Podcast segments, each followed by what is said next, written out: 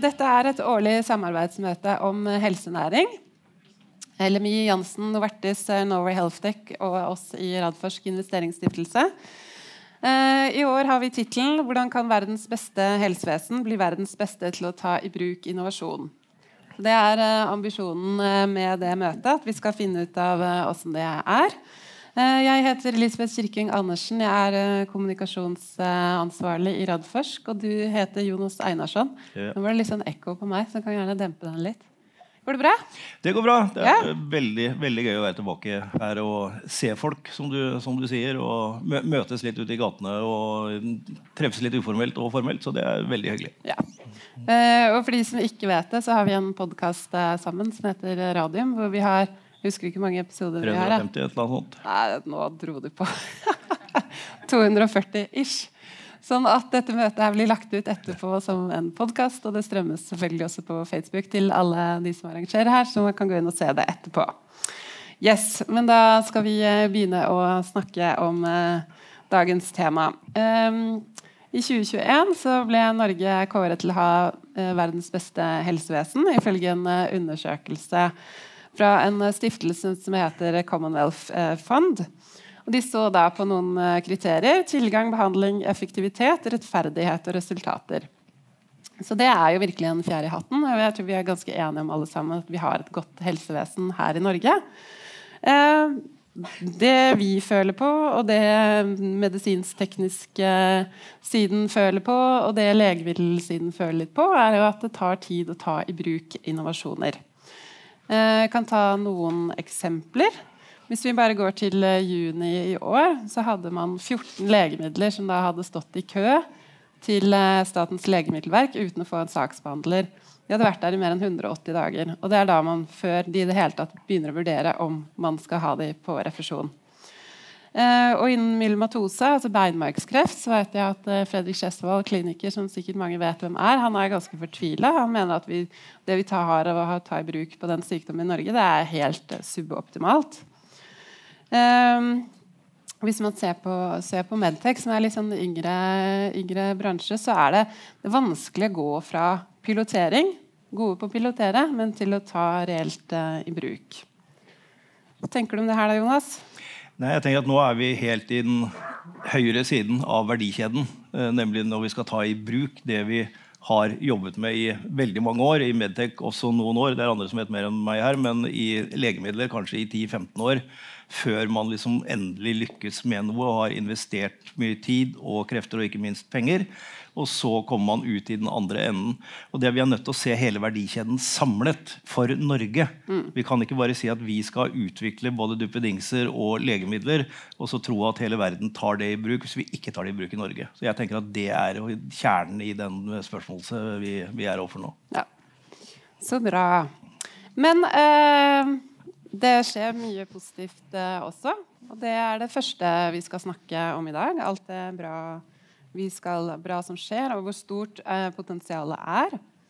Eh, helsenæringens verdi er en sånn årlig eh, rapport som kommer fra Menon Economics. Eh, og de tallene som de hadde for eh, altså den rapporten som kom ut i år, da, de tallene de har derfra, viser at private delen av helsenæringen i perioden 2010 til 2020, altså ti år, hadde en vekst på 85 Så det er virkelig en sånn formidabel eh, økning. Og verdiskapningen ligger på 63 milliarder kroner, altså høyere enn hvis du slår sammen eh, primærnæringer som jord, skogbruk, fiskefangst. Så det er jo kjempebra. I tillegg så hadde man en ganske bra eksport i 2021 på nesten 30 milliarder kroner. Og så sto det der i rapporten at det var uh, høyere enn krafteksporten. Men det tror ikke jeg vi skal sammenligne med i år. For den tror jeg kanskje av ymse grunner har dratt litt ifra. Eh, og Ser vi til Sverige og Danmark, så er jo eksportnæringen, altså helse, helsenæring der er jo de største eksportnæringene. Så viser vi at man i, i de nordiske landene og de, altså våre naboland de får det til. og Da er det ikke noen grunn til at ikke vi skal få det til. Men da må vi gå fra ord til handling. Mm -hmm. Og det er noen som har gjort det. Eh, først og fremst veldig hyggelig å ønske velkommen til Sigbjørn Smela. Leder av Kreftklinikken på OUS, også co-leder av Connect. Bare kom opp, du skal få opp alle. Eh, Mikael Engstig, CEO i Nycode Therapeutics, tidligere Vaxbody. Og Kari Krokstad, CEO i Medesteam ASA. Og så må dere gjerne klappe. Ja!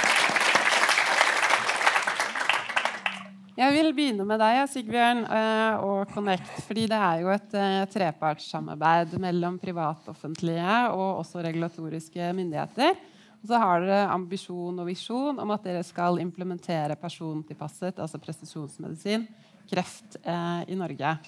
Eh, og dere får jo så mye skryt, og det er jo så velfortjent. Det var et veldig hyggelig møte i går eh, hvor man gikk gjennom mye. Men hva tenker du er liksom årsakene til suksessene, og hva kan man bruke videre i form av å bygge helsenæring innenfor andre felt enn en kreft? Ja, eh, det, det, som jeg, altså det, For det første er det veldig gledelig på en måte med den eh, skal vi si, eh, starten vi har fått innenfor Connect-samarbeidet, og den mottagelsen eh, som Connect har fått. Og så er det egentlig en, konstellasjon som er nødvendig i forhold til hvordan du skal bringe da, legemidler. Altså vi må ta i bruk altså, nye metoder Eh, for å, få på en måte implementert altså, eh, effektive og gode medikamenter i Norge nå i forhold til hvordan det var før. Og det, det har, har, sammenheng egentlig med den, skal vi si, hele den kunnskapsbasen. Det er en ganske stor endring. Det er en sånn historisk poeng fra min side er jo kreftlege. altså at Legemidler tidligere var jo empirisk. altså Vi tok i bruk strålebehandling, vi tok i bruk cellegift. Vi så at det virka. Det klassiske er jo cellegift, hvor soldater var utsatt for nervegass og falt i hvite blodlegemer. Og så brukte du det på leukemier, men vi ante jo ikke hvordan det virka. Nå er det noe helt annet. Altså Nå er det mekanistisk. Vi veit hva som skjer i kreftcellen, og vi vet hvilke signaler uh, veier vi skal på en måte blokkere. Uh, og da i seg selv så krever det på en måte en helt annen kunnskapsbase, kunnskapsutvikling og en Eh, eh, skal vi si, et samarbeid, en nærhet, mellom akademiske miljøer, mellom eh, farmasøytisk industri og mellom pasientbehandlingen. Så vi må ha alt dette på plass og i et mye tettere og forpliktende samarbeid. Det er, ganske, altså det er et paradigmeskifte som har kommet innenfor for hele kreftområdet. Og det er jo ikke, dette er jo de store eh, Eh, eh, altså oppdagelsene eh, som kom egentlig på 80- og 90-tallet, som har gitt mange nobelpriser. Altså, som er grunnlaget og det hele det med, med, med cellebiologien og molekylærbiologien. Som, det har skjedd så utrolig mye, og vi er egentlig i starten her av den fasen. Og så må vi da gjøre ting på en ny måte pga. det, og, og jeg tror akkurat den Connect er en viktig del egentlig mm. eh, på den veien. Og så er det flere ting som, jeg skal, som, må til. og Hvis jeg får bare ett ord til og det, det, andre er jo på en måte det med makrostruktur. og det Nå får vi jo et nytt Radiumhospital. Eh, en av de første viktige etappene altså i nye OS, og det står ferdig om ett og et halvt år. Og Da blir det meste på Radiumhospitalet blir helt tipp topp, og vi har på en måte mulighet altså Vi kan tenke 50 år fram.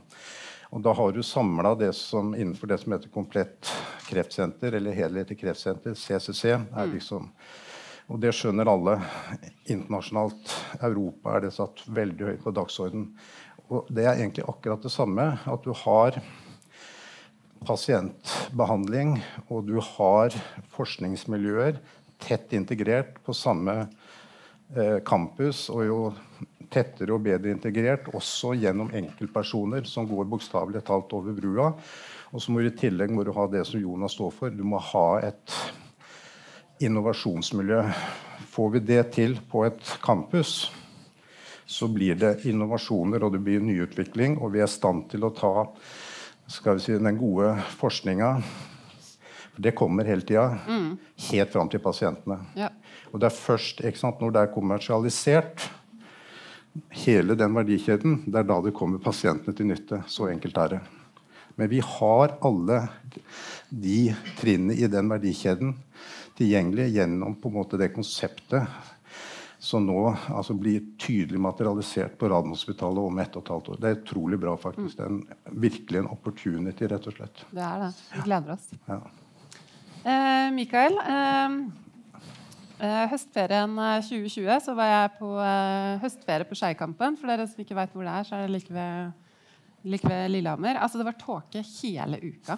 Jeg og datteren min var oppe på sånn fjelltopp hver eneste dag. Vi så én meter foran oss. Så det var jo sånn eh, kjempemorsomt. Men det var ett lyspunkt den uka der. Det var fredagen.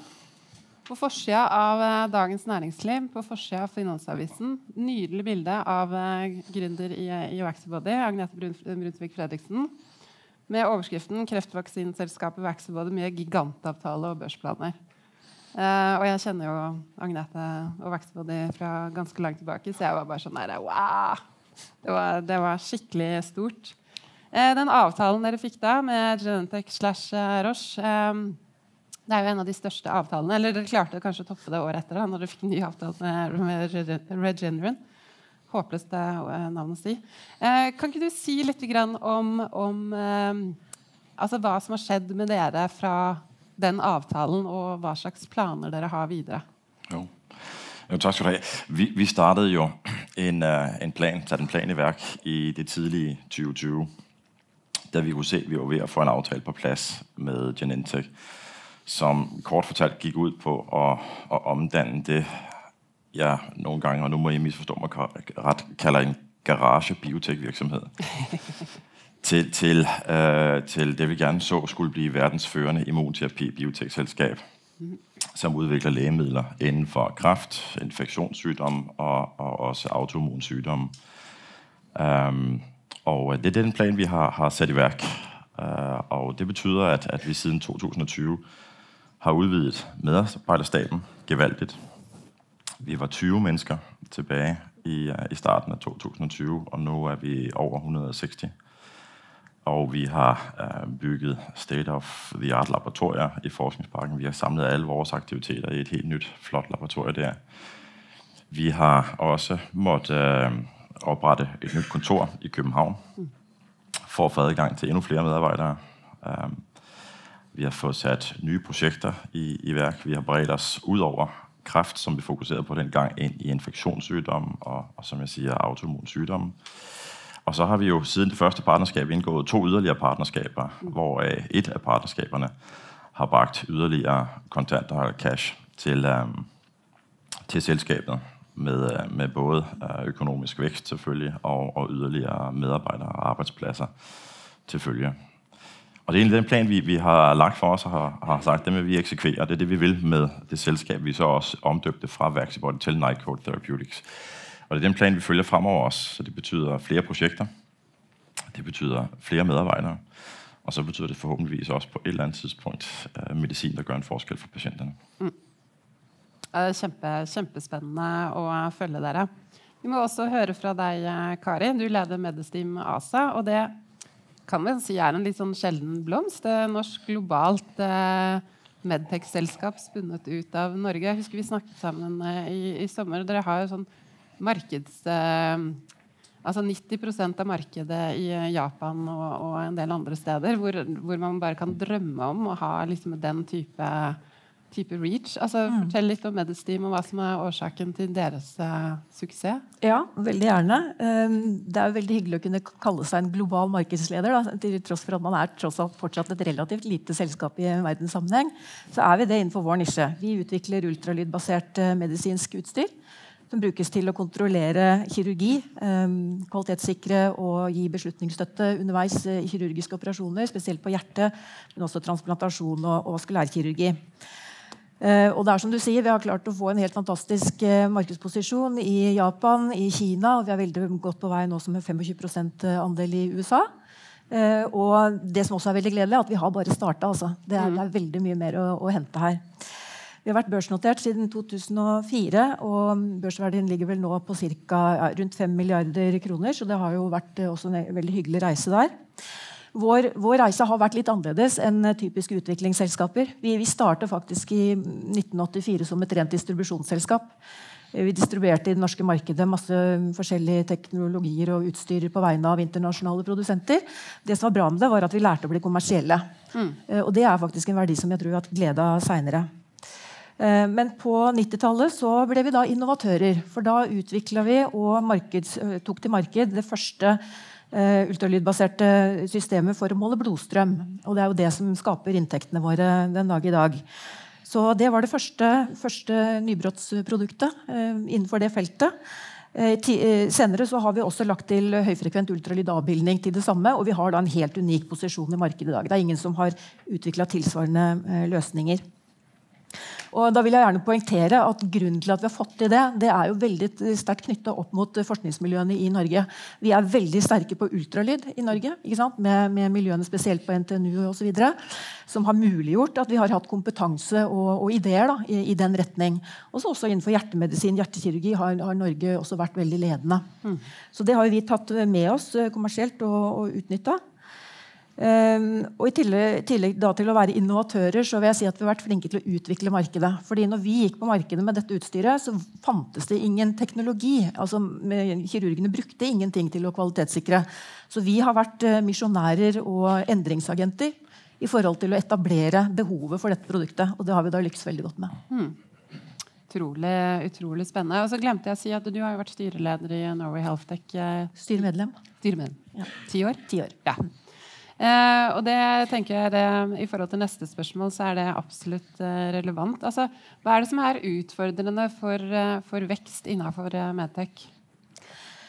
Det er nok mange ting. Men, eh, men eh, i hvert fall én refleksjon som, som, egentlig støtter opp under det som har vært sagt innledningsvis her, er at jeg syns det har vært et paradoks at når vi har vært eh, på vei ut i markedet med nye produkter eller nye versjoner av produkter og har behov for å teste disse og få kundefeedback det er helt klart at Spesielt innenfor medisinsk teknologi all utvikling skjer i nært samarbeid med kunder. De må teste og gi feedback, ellers så kommer man ingen vei. Da har vi opplevd gang på gang at det har vært lettere å komme, altså få innpass på internasjonale sykehus, altså andre nordiske land, Tyskland, til og med USA, eh, lettere å komme inn der enn i Norge. Mm. Det er hederlig unntak. Vi har entusiaster i dette landet også, som, vi, som vi absolutt ikke glemmer. Men, men, flere ganger så er det opplevd som altså enklere, mindre byråkrati, større interesse for å, å teste ut produkter. Mm. Eh, så det, Jeg vet ikke helt hva det kommer av. Om det er, har vært en um, skepsis til å ja, prøve produkter da, fra et, et, et, mindre norsk selskap, og at det er mer spennende å jobbe med store internasjonale spillere. Mm. Mikael, du er jo da, som folk hører, du er dansk. Bakgrunn fra dansk eh, biotek, som er eh, altså, kjempestor, veldig profesjonell. Hvordan, eh, hvordan, ser du på hva vi gjør i Norge, og hva tenker du man må gjøre bedre for å videreutvikle altså, biotek, helsenæringsbiten? Altså, jeg synes, det, Den utfordringen der har, for, for, oss der har overstrålet alt, det, det har vært, og det er adgangen til talent. Mm som har industriforståelse ja. og erfaring.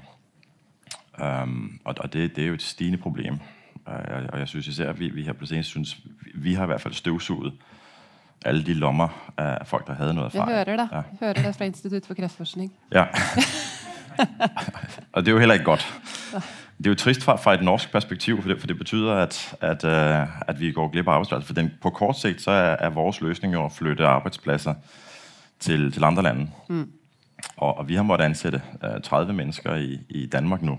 Um, og, og, det vil si at, at, Norge går jo glipp ikke bare av, av økonomisk vekst og, og medarbejdere, men, men, det er altså også et, et, spørsmål om å få bygget den her kritiske masse opp av folk der har industrierfaring, hvis man skal ha et langt levedyktigt life science-miljø i Norge. Mm. Og det kommer til å ta lengre tid. Så, så, jeg vil si, det, det, der, det, der, det, er helt klart det vi har mest fokus på, det er å, å prøve å få det gjort mer attraktivt. Og få udenlandsk arbeidskraft, videnskraft til, til Norge. Og, øhm, og, eventuelt også se om ikke man kunne gøre noe med uddannelserne, så, så de får tilrettelagt et curriculum, der, der, har noen elementer der er mer relevante for, for farm og biotek. Mm, absolutt. Hva tenker du om det du hører, Einarsson? Nei, altså, Dette er jo veldig velkjente problemstillinger. Ja. Eh, litt til det Sigbjørn sier. Eh, det er noe spesielt med, med miljøet på Radiumhospitalet som fascinerte meg da jeg kom dit for 22 år siden. Det skal vi snakke mer om eh, senere i dag. Men det var allerede da så var det Vi ønsker dette samarbeidet mellom industrien og, og, de akademiske miljøene. Og vi ønsker at det skal bli en vinn-vinn-situasjon å bygge det opp. Det var veldig spesielt for Radiumhospitalet den gangen. Det har spredt seg litt mer enn nå til, til andre miljøer. Og Oslo universitetssykehus, spesielt da på din side, som, som jo har hatt en satsing på, på det området. Men det har nok hele tiden vært en sånn viss skepsis som er der dessverre enda i dag i, i, visse nivåer av byråkratiet i sykehusene og, og andre steder, som man fortsatt må, må, jobbe videre med og se virkelig denne vinn-vinn-situasjonen som det er. Altså, når dere kommer med en, en, en, en, ny teknisk nyvinning på dette, så burde jo de miljøene som er og som du sier, Det er bygd på de sterke miljøene våre. Og det er jo kreftforskning og ultralyd er jo to av de virkelig store områdene i Norge. Ultralyd var vel det første sånn store gjennomslaget for norsk teknologi i, i, sin tid. Og det må vi bruke oss av. Og så tenker jeg at det Michael er inne på, er noe av det aller viktigste. Altså, vi må attrahere internasjonale folk, forskere og gründere og folk som har lyst til å jobbe i selskapene våre i enda større grad enn vi gjør nå. Og der er igjen i Radiumssalet igjen i ferd med å ta grep på det. Kjetil Tasken sitter her nede i salen og er i ferd med å bygge opp enda mer rundt de sterkeste miljøene våre på Instituttet for kreftforskning. Vi må satse der vi er gode. Mm. Og vi må hjelpe de som, som Mikael og, og, Kari til å komme videre. Mm. Jeg bare fortsette eh, altså Noe dere nevnte, Jonas. For det, det, dreier seg også om både altså kunnskap forståelse om hva som trengs.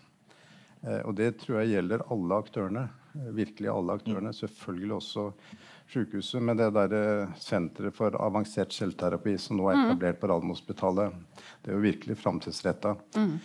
Uh, og det er jo betydelige midler som er kommet inn, men det er jo eksterne midler. Altså, og, og, det tror jeg man bare må forstå. Altså at vi har folka. Altså, og det, det, er bra folk, og vi har en infrastruktur. Men vi har jo ikke finansiering når den kommer.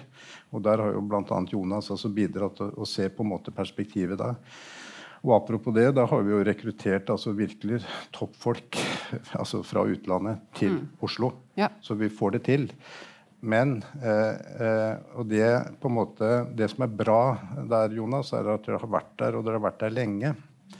Eh, slik at på en måte, altså, det er en, ja, eh, en, del, altså en, integrert på en måte mm. del, og vi kjenner hverandre og vi bygger opp og får til det, sammen. samme. Men det, og det er utrolig viktig også at vi, vi forstår helheten her og forstår på en måte hvilke hva vi sjøl må gjøre i det, hele, i det hele. Og så det, må alle aktørene spille sammen. rett og slett. Men det aktsenteret der, altså, eh, altså Center for Advanced Cell Therapy, nokså rett fram, er jo et innmari godt eksempel. Og som jeg sier, Hadde dere ikke hatt ekstern funding, som er ganske betydelig, mm. så hadde det vært helt, helt altså Det er rett og slett ikke mulig. Får vi til det, med det vi har, og ikke minst altså, utrolig flinke folk, mm. så kan vi skape noe. Og, og, der ser du, der kommer det innovasjoner allerede. Og vi er jo på der. ikke sant? Mm. Og når det kommer, så har vi også strukturen til at vi kan starte tidlig utprøving. For det er liksom en neste kompetansetrinn som mm. er helt avgjørende. Mm. At når du har de gode innovasjonene, ikke sant?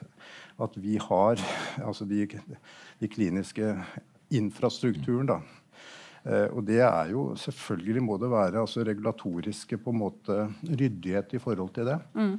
Og bl.a. pasientsikkerhetsperspektivet når, når, det er noe nytt du prøver ut. Altså det, alle skjønner jo det. Eh, men det er også en veldig tydelig kompetanse, og det er ressurskrevende. Og vi må få på en måte alle brikkene på plass for at det skal, skal virke. Men det, det, er ganske mye bra på en måte som er på plass, da, mm. føler jeg, da, på kreftområdet, som er liksom det som er mitt ansvarsområde. Mm. Veldig bra. Eh, tida går eh, altfor fort, men jeg vil bare utfordre dere på én ting til slutt. Vi har statssekretær Karl Kristian Bekeng på første rad her. Eh, så nå, eh, Hva vil dere at han skal ta tak i i, i regjeringa i forhold til dere? Kari? Ja, eh, Viktig å fortsette å støtte og finansiere Klynge eh, og Connect. og altså Alle arenaer som er til for samarbeid. Det er helt, eh, helt, avgjørende. Det må bli lettere for norske bedrifter å få testa ut produkter. Altså Vi må ha noen slags fordeler hvis vi mener alvor med å bygge ny industri. Da, da, må det ikke være vanskeligere å få til ting i Norge enn det det er andre steder. Så, så der må sykehus øh, og den delen insentiveres på et eller annet vis i forhold til å ta, ta grep og bli mye, mye flinkere. Og så mener jeg også at eh, Innkjøpsordningene er fortsatt eh, for kronglete og byråkratisk og, og, og, må fortsatt jobbes med. Takk. Sigbjørn? Jeg synes, eh, altså, Én ting er på en måte ressurser, men det viktige er egentlig også både lovverk og politiske føringer. Og at den gjelder det innovasjonsløpet, og da mener jeg helt altså fram til utprøving i pasienter og til produkter at det må legges til grunn som en del av oppdraget. Eh, vi har jobba ganske bra med kliniske studier, men den tydeligheten må også da eh, rett og slett altså bli konkretisert i forhold til altså innovasjonsløpene. Eh, det gir i hvert fall meg et veldig tydelig handlingsrom, eh, slik at vi da blir på en måte mer for å si det, på ballen enn det, det vi gjennomgående er i dag. Mikael?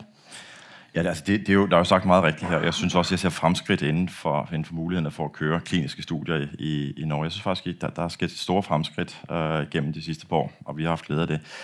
Jeg kunne godt tænke mig, at, at der bliver kigget mere på, hvad vi kan gøre for at tiltrække talent. Altså, der er inspiration at hente fra nabolandene her. Um, og en ting, jeg måske lidt savner, det er et lidt tydeligere samarbejde på tværs af de forskellige departementer. Uh, mm. det, det er noget, vi har set i andre lande også. Og vi har selv haft lidt svært ved at, at få gang i en dialog, fordi lige så snart dialogen bliver lidt bredere, så er det ikke kun helsedepartementet, det handler om, men, men også næringsdepartementet og finansdepartementet osv. Så, så hvis man kunne få en lidt mere holistisk tilgang til nogle af de diskussioner, så tror jeg, at vi ville kunne komme længere. Så bra. Du noterer, ikke sant? Ja, takk. Tusen takk skal dere ha, og jeg gleder oss til å følge dere videre. Takk.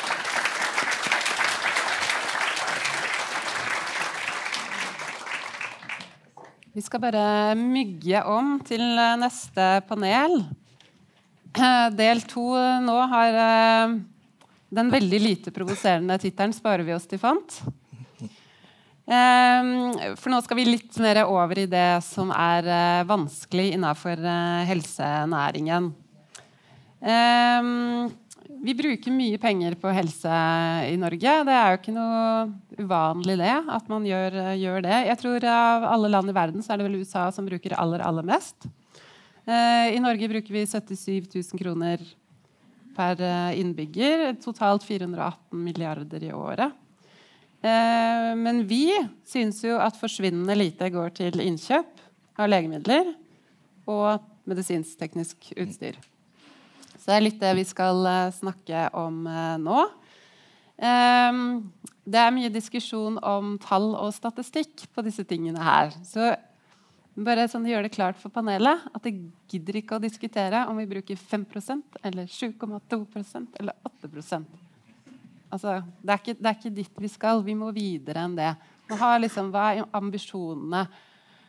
Er, det liksom prosentantallet som er det, er det viktige her, eller er det, er det, andre ting? For det vi egentlig sånn, eh, ønsker å diskutere her, er jo er det, er det samfunnsøkonomisk eh, smart, er det helseøkonomisk smart å ikke investere?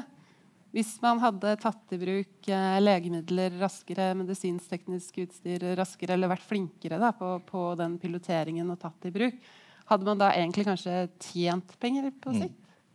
Kanskje i hvert fall spart dem?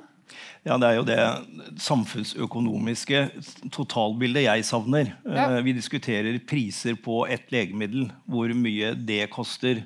Uh, og hvor lang tid eventuelt pasientene lever lenger eller, eller uh, har det bra i, i, forhold til noen kliniske studier. De kliniske studiene skal egentlig vise at det ikke er farlig å bruke medisinen, eller at man i hvert fall har bivirkninger man mener er eh, til å leve med for pasienten fordi de får en bedre effekt ut av det. Uh, og så vil man over tid se om den effekten faktisk er så god som man tror når man kommer ut i den virkelige verden med dette. Og det er jo andre land som har helt andre modeller, hvor de sier at vi ønsker å ta det i bruk så fort som mulig. Uh, enkelte steder tar det i bruk med en gang. Tyskland. Tyskland, helt riktig. Eh, det lange løp vil det vise seg om det var riktig eller ikke. Ja. Eh, men vi må i hvert fall tenke litt utafor boksen. Mm. på sånn som vi gjør nå, For nå er boksen er hvor mye koster det ja. per pasient? Og så er det det vi diskuterer hele ja. tiden. Og jeg skulle ønske at denne debatten var mye mer om det totalt samfunnsøkonomiske. Problemet med det er at det er ikke den samme ofte som sparepenger Nei. som betaler. Og da får du nettopp den som Michael var innom. Det går over flere forskjellige departementer. Og da er det bare det ene departementet og det ene systemet som fungerer. Mm, eller det ene budsjettet her og ikke ja. det andre budsjettet der. Eh, da, da, har vi satt premissene her for de som eh, skal debattere. Lena Nimo Helli, administrerende direktør i Norway Healthtech og styreleder i Finnmarkssykehuset. Velkommen. Bare gå opp, du. Eh, Kari Rolfsjord. Ja, det er bare klapp mellom hver også. Det er hyggelig, det. Eh, du er Head of Public Affairs i Novartis Norge. Og Jan Flikk, fagdirektør og viseadministrerende direktør i Helse Sør-Øst. Der var du. Supert. Jeg vil gjerne begynne med deg, Jan. Eh, fordi du eh, er jo en nøkkelperson i Norge når det gjelder å ta i bruk innovasjoner innenfor helsevesenet. Mm. Um, du er jo en del av uh, altså Connect, mer, mer, som observatør, vel?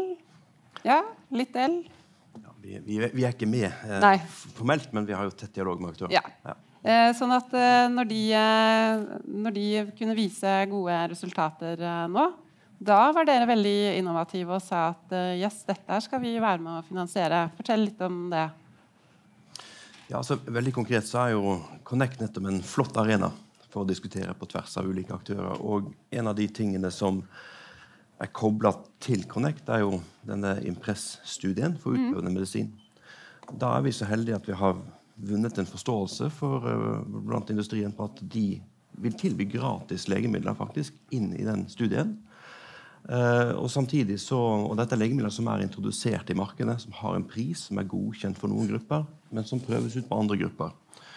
Og, og Da uh, mener vi at det er rett og rimelig at hvis man kan påvise effekt hos en pasient, så, så må vi si at da tar vi ballen og finansieringen videre. Så det var på en måte det å det var en sånn litt ny situasjon for oss, denne grensesonen mellom forskning, utprøving og det vi kan kalle nærmest etablert behandling for den enkelte pasient eller den enkelte gruppe. Mm. Eh, at, eh, at, vi fant ut en måte å gjøre det på. Så mm. Vi skal ikke gå i alle detaljene, men, men, nei, nei. Eh, men, men dere var, fikk det til, og, og ja. alle var jo veldig happy, happy for det.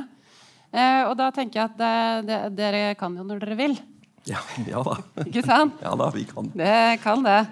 Men, men i forhold til premisset på debattene her, altså sparer vi oss til fant i norske helsevesenet? Det er jo en litt sånn um, spisset problemstilling. Vi, det er jo sånn som du sier selv, Vi bruker mye penger på, på helse um, samlet sett. Og så inkluderer vi også en god del penger i helsebudsjettet som andre land ikke har inkludert. så Det må vi ta med oss.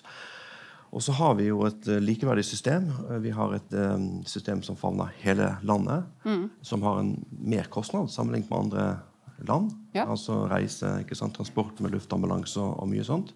Mye beredskap også, som vi finansierer. Men det er klart, det er jo et spørsmål uh, Hvis temaet er innovasjon og ny teknologi, nye yes. legemidler, så, så, må vi jo spørre oss om, om vi gjør ting f.eks. med gammel teknologi på måter som er ineffektive.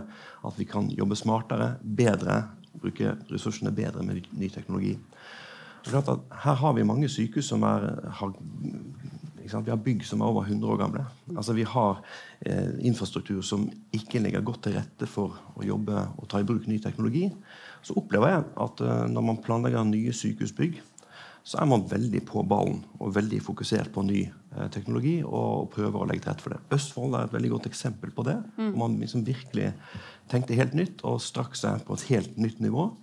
Jeg opplever også at de prosessene vi har nå i Oslo, eh, Drammen, andre steder, at, at, man liksom er på ballen der. Mm. Men Det er klart eh, det er noen barrierer der, sånn, og så er det litt sånn at vi har, vi har ganske gode systemer for legemidler. Uh, i forstand at Vi har liksom en entydighet om hvordan vi håndterer dem. Så kan vi diskutere hvordan det kan bli enda bedre, og det skal det jo bli. Men for uh, medisinsk-teknisk utstyr uh, så, så, vet vi jo at det er en liksom frustrasjon. Hvor går vi hen? Ja. Og, og, skal alt metodevurderes, eller skal det ikke det? Mm. og det jeg også hører fra Krokstad, er på en måte dette med tilgang til å prøve ut teknologi.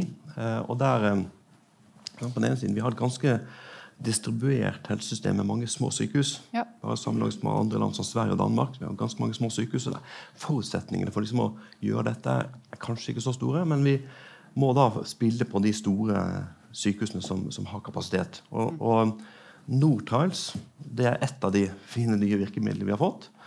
Eh, der er det én dør inn nå på St. Olav for, for MTU. Og, og, det må vi på en måte jobbe sammen om å spille bra og ansvarliggjøre den porten inn, og så, og så må vi liksom skaffe oss oversikt over hvor er det vi kan lett levere da, på det som industrien etterspør. Mm. Ja.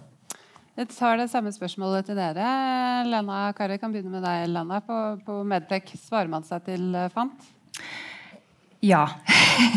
jeg har lyst til å begynne med å, begynne med referere til eh, Bovim i går på den store helsedebatten. Vi må snart ta inn over oss at vi må gjøre mer med færre ansatte. Vi må automatisere der vi kan. eh, Og vi må bruke de menneskelige ressursene der relasjoner er viktige. Det er kanskje punkt én at vi må ta inn over oss. Så tenker jeg at vi har en mulighet til å få til det. Men for å få til det, så er vi nødt til å tenke helhetlig. Vi må tenke tre ting på en gang. Vi må ha først felles mål. Vi skal ha bærekraft i fremtida, og vi skal ha bedre folkehelse. Felles mål. Tre ting må samhandle. Vi må tenke næringsvekst. Vi må tenke økt effektivitet i helsetjenesten, nye måter å jobbe på, bedre pasientkvalitet. Og vi må tenke samfunnsnytte. Vi må tenke lavere sykdomsbyrde, og at folk kan stå i arbeid lenger.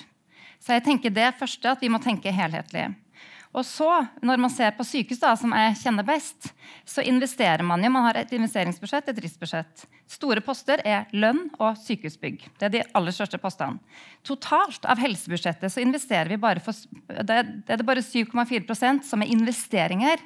Så jeg tenker, sparer vi oss til fant? Jeg tenker Vi investerer ikke godt nok for å ta ut potensialet i både næringen, jobbe på en smartere måte, bedre pasientkvalitet og, sam og samfunnsnytte. Og det er det vi må se på. Og Riksrevisjonen har jo også nylig påpekt det, at vi er nødt til å investere mer i medisinsk-teknisk utstyr og digitale løsninger. For dette kommer ikke til å gå rundt. Og det tenker jeg at vi snart må ta inn over oss. Mm. Kari, åssen er det på legemiddelsiden, som dere er Novartis? Ja, jeg har lyst til å begynne med litt sånn positiv innfallsvinkel. For det tegner et litt sånn dystert bilde. Så, ja. så i Novartis så var jeg nevnt Connect her. Vi er jo med i flere legemidler i denne Impress-studien. Det er jo virkelig gjort noe med krefttilbudet innen persontilpassa behandling for kreftpasienter i Norge. Mm. også denne innkjøpsavtalen. Den er jeg veldig stolt av at vi har fått til. Uh, Novartis har jo også lansert tre celle- og genterapier i Norge. Hvorav to av disse er lansert med det vi kaller en innovativ innkjøpsavtale. Eh, som vi er veldig stolte av. Og det er jo nettopp pga. personer sånn som Jan og flinke personer i Sykehusinnkjøp som er villige til å sette seg ned rundt bordet med oss og finne løsninger. Eh, for det er ikke alt som passer denne boksen som Jonas var inne på. Eh, men når det er sagt, så eh, vet jeg ikke helt om vi sparer oss til fant, men jeg lurer på noen ganger om vi har et system som gjør at vi sparer litt, systemet sparer oss til fant. Eh, og det er kanskje to ting eh, Novartis er litt opptatt av her, og vi ønsker å trekke fram. Det ene er jo Eh, Vi snakker mye om eh, å betale for innovasjon, men det er jo ikke noe forskjell på om vi betaler for de mest innovative legemidlene og de mer tradisjonelle legemidlene. Nei. Vi betaler for effekten legemidlene gir. Hvordan er det vi betaler for effekt i Norge? Den effekten i, i, som vi betaler for, den er knytta til kvalitets, kvalitetsjusterte leveår. Eh, og i Norge så er vi villige til å betale, for, betale 275 000 kroner for ett år i perfekt helse. Og det tallet det har stått stille siden 2016, da vi hadde siste prioriteringsmelding. Eh, Og du nevnte jo strømpriser. Det er mye snakk om inflasjon og prisvekst. Og vi synes jo det er rett, ja, ganske mye. Eh, vi betaler mer for melk. Eh, Nav betaler større trygdeytelser, trygdeytelser og pensjonsutbetalinger hvert år i takt med prisveksten. Eh, og det er jo litt rart at betalingsvilligheten per Quali har stått stille siden 2016. Så det er det ene. Så det er på en måte rammen, betalingsvilligheten. Men så er det også noe med praksisen innenfor den rammen. Eh, og der mener vi også at det er mye potensial. Og jeg nevnte disse innovative innkjøpsavtalene. og, og det, grunnen til at det trengs, er jo noe med egenskapene til det som kommer. Disse innovasjonene. Jonas var litt inne på det. Eh, for det er jo sånn at de legemidlene som kommer, de utfordrer litt eh, hva skal jeg si, de rammene for hvordan vi vurderer legemidler. Det er noe med det at eh, hva vi er, det er ikke prisen. Det er ikke, det er ikke sånn at noen i beslutningsforum sitter og tenker at nå skal vi spare mest mulig. Men det er noe med at prisen skal rettfer, rettferdiggjøres med det datagrunnlaget som ligger bak. Og det er jo nettopp det datagrunnlaget bak eh, som ofte er mer usikkerhet i dag med disse nye terapiene. Og det er det vi må adressere, og det har vi klart å få til med disse innovative avtalene. Eh, men det er noe med det at dette har skjedd litt på tross av og ikke pga. systemet. fordi her har vi faktisk klart å adressere den usikkerheten, slik at den tvilen knytta til uh, usikkerhet med nye terapier, den kommer pasientene til gode. Eh, og rett og slett klart å fordele risikoen. For det er jo jeg tror liksom ikke vi tar helt inn over oss uh, hva som er på en måte egenskapene til disse nye celle- og genterapiene. De, de er revolusjonerende, men ofte mangler de eh, langtidsdata. Det kan være små studiepopulasjoner. Vi kan ofte bare ha fase to-studier. Eh, som utfordrer kanskje noe av de mer tradisjonelle kravene da, vi har til å vurdere legemidler. Mm. Og den vi tar inn over oss. Eh, så jeg tenker De to tingene gjør kanskje at vi sparer oss litt i fans. Så et uh, kort svar ja. Ja. Lang begrunnelse, kort svar. Vær så god, Jan. Ja, nei, men Dette er jo litt fremtiden, føler jeg. altså. Og jeg vil si at Vi har, vi har hatt et rammeverk for alternative prisavtaler som vi lanserte for en, det var vel to års tid siden. Vi har hatt en rapport om hvordan vi skal bedre møte behovet innen persontilpasset medisin i nye metoder, som var ferdigstilt for et års tid siden. Så, øh, og jeg skjønner at man er utålmodig og sier nå må vi liksom se endringene. Men jeg syns også at noen av disse eksemplene som vi har sett da, de siste Mm. årene, er litt uttrykk for at vi som system er villige til å tenke nytt. Ja. Og, og så må vi på en måte bare ha en ramme på det at vi går inn i en dialog og sier at ja, her, her er det kjempespennende, lovende ting som kan ha stor betydning for pasienters helse på lang sikt. Og så er det en usikkerhet. Og da, da har vi mange ulike verktøy i verktøykassa for å løse det. Og det, jeg tror vi skal komme til å se mer av det. Ja. Eh, snarere enn mindre, for å si det sånn. Men, det, men akkurat det du sier der, tror jeg, tenker jeg er veldig viktig for å liksom komme videre og ta ting i bruk. Det er jo dialog. Mm. Og det jeg også hører da fra industrien, eh, legemiddel, medtech, det er jo det er vanskelig å komme i dialog. Ja. sant? Det er vanskelig å få satt seg ned rundt bordet og ha en, eh, Mm. en eh, samtale mellom voksne. Når mye av retorikken foregår i Aftenpostens Aftenposten. Så, så det, det er jo jeg, jeg tenker Men- Der burde man jo snart ha kommet lenger, for det har vi holdt på med litt for lenge. Ja da. Men det, det er et veldig viktig signal som jeg opplever at vi tar på alvor. Skal ikke skylde alt på pandemien, men det er klart det har vært litt vanskelig med måte, disse møtepunktene. Eh, selv om vi har hatt noen nettmøter også. Men, men jeg opplever nå at vi har eh, altså vi som da sitter i nye metoder eh, og eh, sykehusinnkjøp Mm. eh, Det er veldig kort linje mellom oss. altså. Og, og jeg tror også at når vi har fått disse rammeverkene på plass, så ser de i sykehusinnkjøp mye tydeligere at dette her er på en måte ikke standardgreia. Her må vi tenke nytt. Mm. Og da er det ganske kort vei til, eh, til sånne som meg på å si at her må vi liksom tenke litt nytt rundt dette. Og, og at man får et mandat til å håndtere det eh, som en spesiell case. da. Mm. Så, så, så de tingene vi har sett, det er litt uttrykk for det. Og da har vi eh, tatt de diskusjonene og liksom avklart rammene ganske tidlig, og så, så har det gitt resultater. da. Så skal vi gjøre mer av det. Men det er bra. Lena? Ja, jeg tenker at Vi må også ha fokus på tid. Vi Vi har ikke veldig god tid, så vi må få til ting litt raskt. Og da tenker jeg at vi tilbake til at vi har en helsenæring, helseteknologinæring på et høyt internasjonalt nivå. Vi har fått noen fantastiske eksempler både fra Medisim og fra Nykode her nå. Mm. Vi har løsninger Norge trenger, vi har løsninger verden trenger. Vi kan bidra også til de globale helseutfordringene. Eh, Men mange av selskapene, eh, særlig Infomentic Digital Helse, går først ut av Norge for å lansere sine eh, løsninger. Fordi det er vanskelig å komme til Norge. Det tar for lang tid. Det er tre ting man trenger når man skal få løsning på markedet. Og jeg tenker De tre tingene er også relevant for at vi skal lykkes sammen med å nå våre felles mål om bærekraft og bedre folkehelse. Kunde. Og det er jo sånn at det er stort sett offentlig som er kunden. Eh, I hvert fall i vårt eh, helsevesen. Så trenger man kapital. Kompetent kapital. Og så trenger man kompetanse, som også flere har vært inne på. Og da er det ikke bare kompetanse fra industrien. Vi trenger å tiltrekke oss kompetanse der. Men man trenger også bestillerkompetanse. For hvem vet hva som finnes der ute når du sitter på sykehus innkjøpsavdelingen, og det er kanskje fagfolkene som egentlig jobber med innovasjon. Så det trenger vi også. Det er de tre tingene, og disse henger sammen. Og så er det det siste punktet, og det er kultur. Den siste K-en. Eh, og der har vi, til å være så få folk i Norge, så har vi utrolig mange siloer. Og Vi er nødt til å få brutt ned disse siloene og jobbe mer sammen. Og Det er veldig bra å se at det er mange spennende ting på gang. som vi hører her også, Men jeg tenker det er bare starten. Og Jeg vil bare nevne ett eksempel. og et, eh, Heder og ære til Oslo universitetssykehus, som har kommet ut av sykehuset for å møte næringen. og Vi har nå etablert Hell to Be Forskningsparken, som er en fysisk arena for samarbeid privat-offentlig, offentlig-offentlig og privat-privat. Så det skal vi ta med oss og omfavne alle de gode tingene som skjer. Og så har jeg bare lyst til å nevne ett eksempel når jeg snakker om privat-offentlig og kultur. Fordi vi har også en kultur med at det offentlige gjerne vil gjøre ting sjøl. Og da tenker jeg, Hvor smart er det av oss i Norge at det offentlige f.eks. utvikler konkurrerende videoløsninger som helsevesenet skal bruke, når du har mange leverandører fra norske helseselskaper som har løsningen. Sykehusene, kundene, pasientene er kjempefornøyd. Det er så brukervennlig. Men så blir da det offentlige aktøren en konkurrent. Er det smart måte å investere de pengene vi har på? Eller burde vi omdisponert de pengene til å skyte fart på våre felles utfordringer og løsninger? Kari, um, hvis uh, Norge hadde vært litt mer uh, framoverlent, litt mer frampå i, i skoa når det gjelder uh, å ta i bruk eh, innovasjoner, hva, hva tror du Novartis eh, globalt hadde tenkt om Norge? Hva hadde vært mulighetsrommet der? Jeg tenker innenfor forskning og utvikling. Ja, Um, Investeringer? Ja, det er jo klart at eh, en, Hvis vi snakker om tilgang og finansiering, da, så er det Mm. klart at en enkeltavgjørelse vil nok ikke gjøre noe sånn samlet sett for vår attraktivitet eh, eller evne til å tiltrekke studier til, til Norge. Eh, men det er jo klart at samlet sett, om man får en kultur eller man ser at Norge de er ikke noe gode på, på å brette opp armene og få til det her, Mm. så er jo det åpenbart at det er negativt. Men som vi hørte senest i går, så er det jo mange faktorer som spiller inn på, på hvilken grad vi er attraktive eller er for kliniske studier. Men det er jo klart at det er jo litt paradoksalt. Vi har jo eksempler i Novartis hvor vi har klart å få eh, kliniske studier på avansert celle- og genterapi, eh, som selvfølgelig gir mange kompetanseoverføringer til det kliniske miljøet i Norge. Eh, også når det kommer da til eh, markedsføringstillatelse og finansiering, så ser vi at eh, vi ikke klarer å få til tilgang. Ja.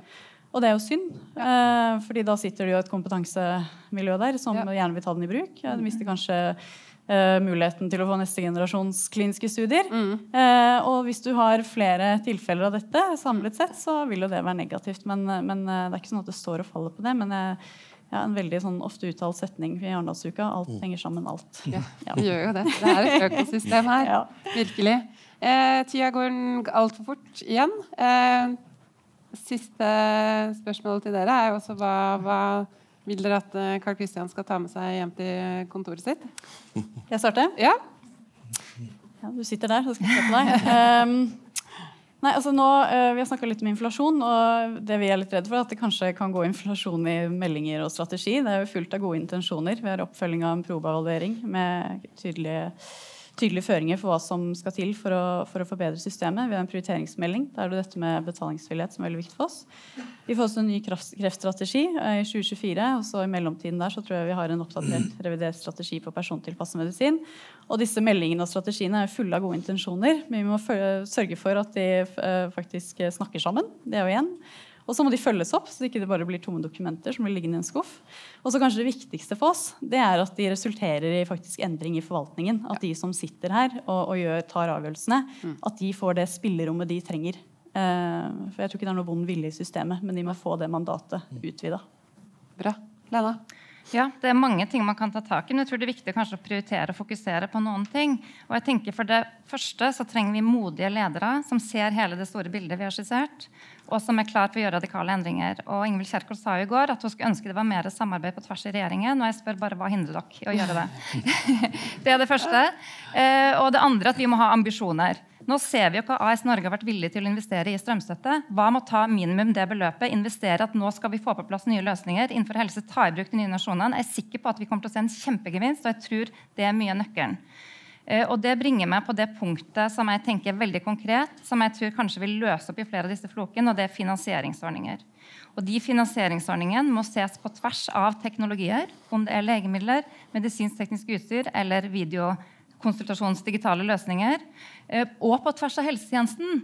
For at, eh, som du sa, er jeg også styreleder, og der har vi innført noen tiltak for å jobbe smartere. Men der er barrieren at pasientene kommer ikke ut av sykehuset, for kommunen har ikke råd til å ta imot dem og har ingen plasser å gjøre pasientene. Og når man da har forskjellige finansieringsordninger mellom primærhelsetjeneste, fastlege og sykehus, så får du ikke tatt ut gevinstene, fordi at alle er opptatt av sitt budsjett. Og har du røde tall, så har du røde tall, og da fokuserer du på det. Så man er nødt til å se finansieringsordningen også på tvers. Og også tenke det er veldig fint at vi har test, godkjenning, f.eks. nå helseapper, men vi har jo ikke en refusjonsordning. Så da blir det jo ikke tatt i bruk. Så jeg vil si finansieringsløsninger. Og vi bidrar gjerne med konkrete forslag til hvordan det kan se ut, også sammen med resten av økosystemet. Um, Du, du, du. Det er nok. ja, vi må gå videre. Finansieringsløsninger. Det er litt vanskelig for meg, dette, for vanligvis er det Beking som gir meg oppdrag. Ja, ja. Kan du gi tilbake? Men det, er ikke det, det, det må du kjenne og Ja, men nyte. eh, eh, det jeg vil si er det at det, det, det er tatt veldig mange bra initiativ de siste årene.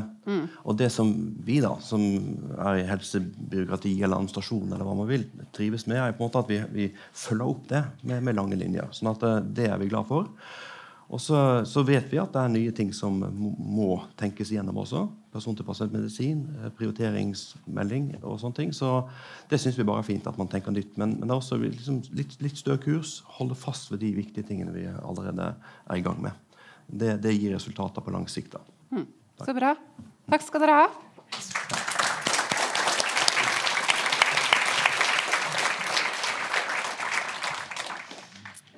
Da skal vi ha et siste panel om anbud før vi skal ha Carl Christian eh, opp på scenen. her. Vi skal bare mygge litt eh, om igjen, så jeg kan stå og ha sånn eh, tørre, tørrprating. Føle meg som sånn pause, pausevisk. Men du, du fikk jo ikke sagt noen Nei, ting nå. Har du noen kommentar? Det er, det er så mange spennende paneler, så det er fint ja, ja. at de slipper til. Ja, altså jeg jeg syns det er veldig positivt å høre også nå fra industrien at det er en eh, positivitet i forhold til dialogen. Og det er vel en fire-fem år siden vi var her og snakket om at uh, industrien og myndighetene måtte komme opp på skyttergravene mm -hmm. og nettopp komme i dialog. Og det hører jeg jo nå at de, og ser at de, at de har gjort. Eh, og ser på innovative løsninger også på finansieringssiden. Og det, det må til. Eh, og bare understreke det som ble sagt, altså at vi er inne i en hel ny verden med de nye legemidlene og med presisjonsmedisin. Vi snakket med forhenværende helseminister Bent Høie for tre-fire år siden, og da sa han rett ut vi er ikke forberedt på hvordan vi skal takle den nye presisjonsmedisinen, og din spesielt innenfor kreftlegemidlene, for vi vet ikke hvordan dette kommer til å gå over tid.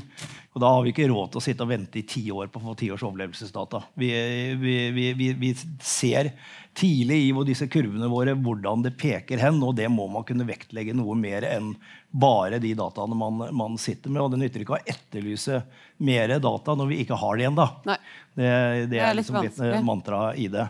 Og så bare en liten kommentar til til uh, dette med, med, Connect og Impress, som jeg syns er helt fantastisk. Altså, dette er noe vi virkelig har jobba for, å få dette trepartssamarbeidet. Uh, så det er jeg veldig glad for. Men det er en, en sånn, liten sånn tanke der, uh, og det er at da kommer myndighetene raskt på banen når de ser at det faktisk har effekt, og sier at da kan vi betale for det. men så har man hatt i en del år nå enkelte pasienter som har hatt anledning til å teste dette ut utenfor systemet eh, med å kjøpe disse medisinene selv, og har fått effekt. Mm. Men da var det stor, veldig stor motstand mot at det offentlige skulle overta. Og da er det mulig at dette likeverdsprinsippet ja. slår litt skeivt ut. Så det, for meg er det en litt tankevekker. Mm. Bra. Da har vi tørrprata. eh, vi skal snakke om anbud. Jeg tror jeg bare dropper innledningen, for jeg ser at tida går så fort. Så jeg bare sier eh, veldig hyggelig å ønske velkommen til Tommy Juel Nilsen, divisjonsdirektør for legemidler i Sykehusinnkjøp. Barbara Suter, Government and Public Affairs Lead i Jansen. Og Henriette Ellefsen Jovik, direktør for bransjepolitikk i Mellom Eh, har dere glemt å klappe? Nei. Men temaet nå da, det er jo da anbud og, og innkjøp. Altså Kari var jo litt uh, inne på det allerede. Eh, jeg tror for mange legemidler i hvert fall, så kan det føles ut som sånn vinter og våtre år før man går gjennom nye metoder. Og så søren meg skal vi gjennom anbud også. Og sånn, oi. Medtech er litt uh, uh, annet, uh, Henriette, skal jeg komme tilbake til. Men uh, før vi går liksom inn på det som er utfordrende her, hva er de positive tingene med anbud? Tommy? Um, ja, um, takk for at jeg fikk komme. Uh, veldig viktig uh, at vi også får lov til å delta på dette. Jeg synes Det er litt viktig å bare um, sortere ut et par ting. Det ene er jo det at uh, Sykehusinnkjøp vi er jo ansvarlig for å organisere anskaffelse for, for, de fire regionale helseforetakene. Og det gjennomfører vi med veldig godt samarbeid med spesialistgrupper.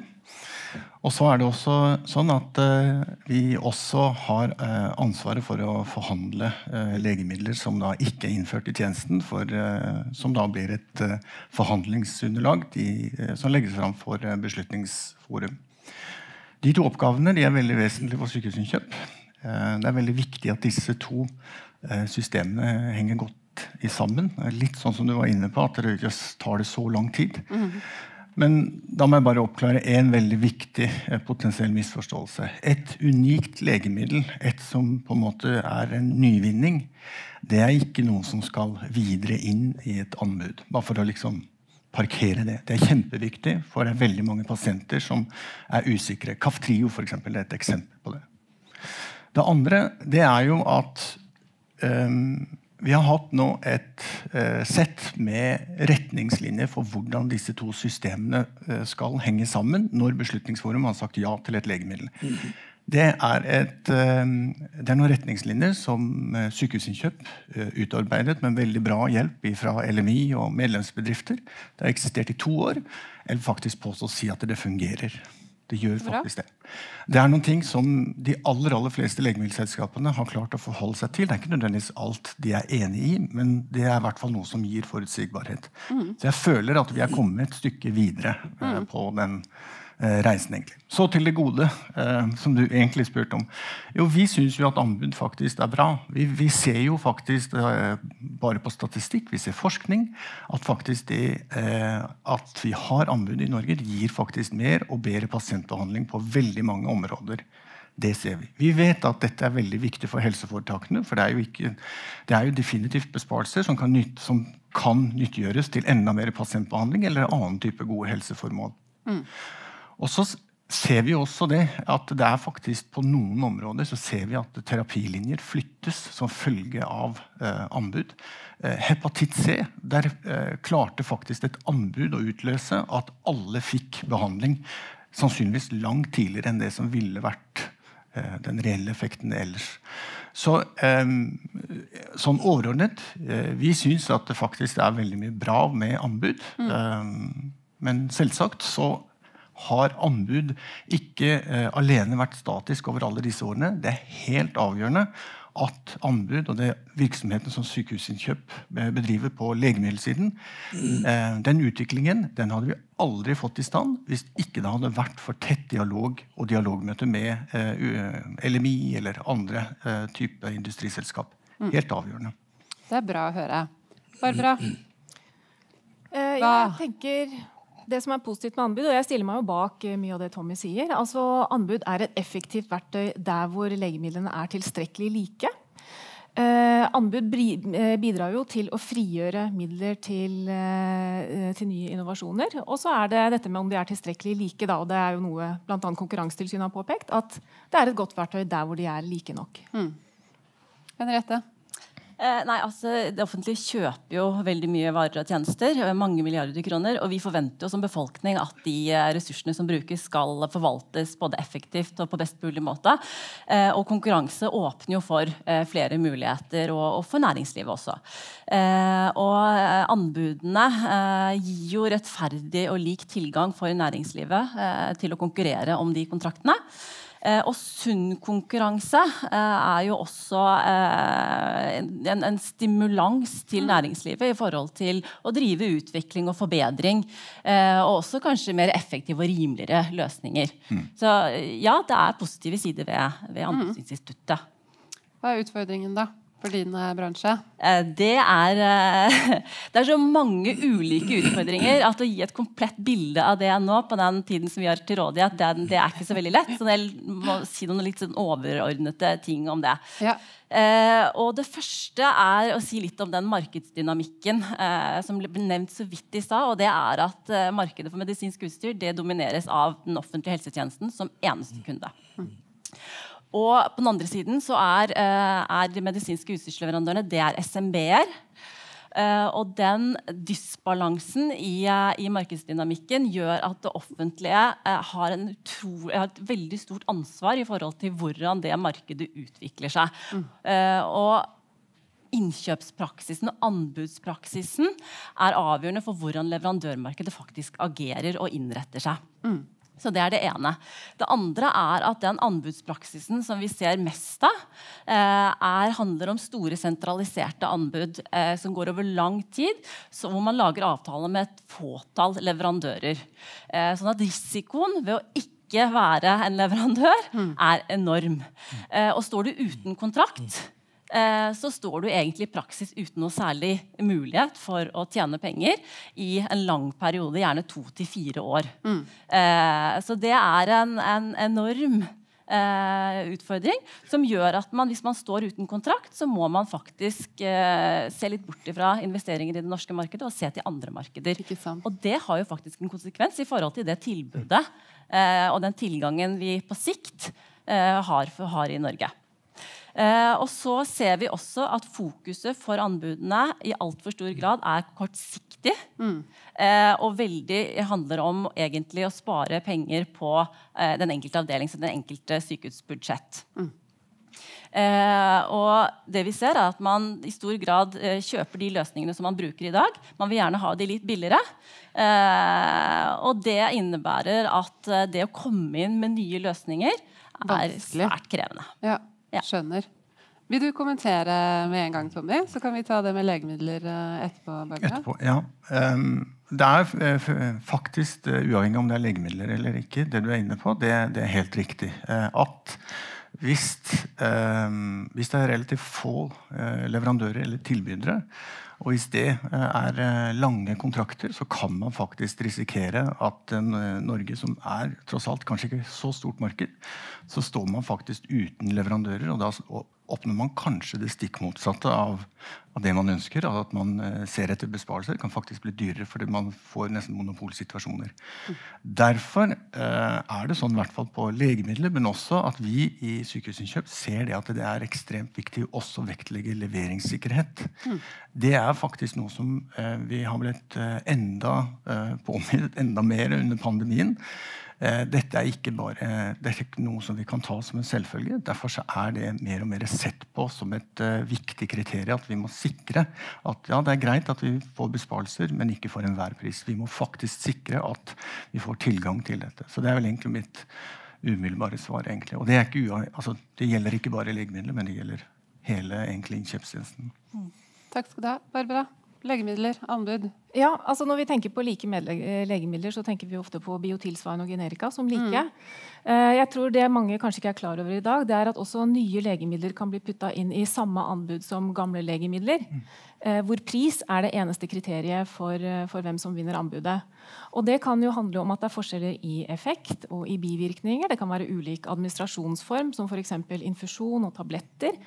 Eh, og det kan være ulike doseringsregimer, som f.eks. en daglig behandling sammenligna med en, en, eh, behandling som kanskje bare er fire ganger i året. Eh, og det tenker vi er en, eh, en, en barriere for individuelt tilpassa behandling. Eh, vi tenker også at det kan legge en begrensning det er en bekymring for at det legger en begrensning for legenes verktøykasse. Det er jo også noe som Legeforeningen har påpekt i sitt mm. høringssvar rundt blå resept. Ehm, så vi vil gjerne oppfordre, når det gjelder eh, måten disse grupperingene av legemidler gjøres på, så vil vi gjerne oppfordre til en god og åpen prosess. Det er oppfordring nummer én. Oppfordring nummer to er jo også å ta i bruk hele verktøykassa for anskaffelser, og ikke fokusere kanskje, sånn som vi ser i dag, veldig mye på anbud. Mm. Eh, ja, eh, vi, eh, vi, føler jo det at vi har egentlig en rimelig åpen og, og eh, prosess på uh, hvordan uh, legemidler som du sier er faglig likeverdige eller sammenlignbare, hvordan, de på en måte, hvordan kommer man til den uh, konklusjonen. Og Dette er igjen til det jeg sa innledningsvis. Dette gjør vi selvsagt i samarbeid med spesialistene. spesialistene hvis ikke en spesialistgruppe sier at dette er noe som kan sammenlignes, så er det absolutt ikke noe som kan settes i en konkurranse. Så vi er helt avhengig av eh, hva de tenker. Det er ikke Sykehusinnkjøp som bestemmer, eh, bestemmer det. Og så er det Ta en replikk med en gang, du, Barbara. Det er mye morsomt.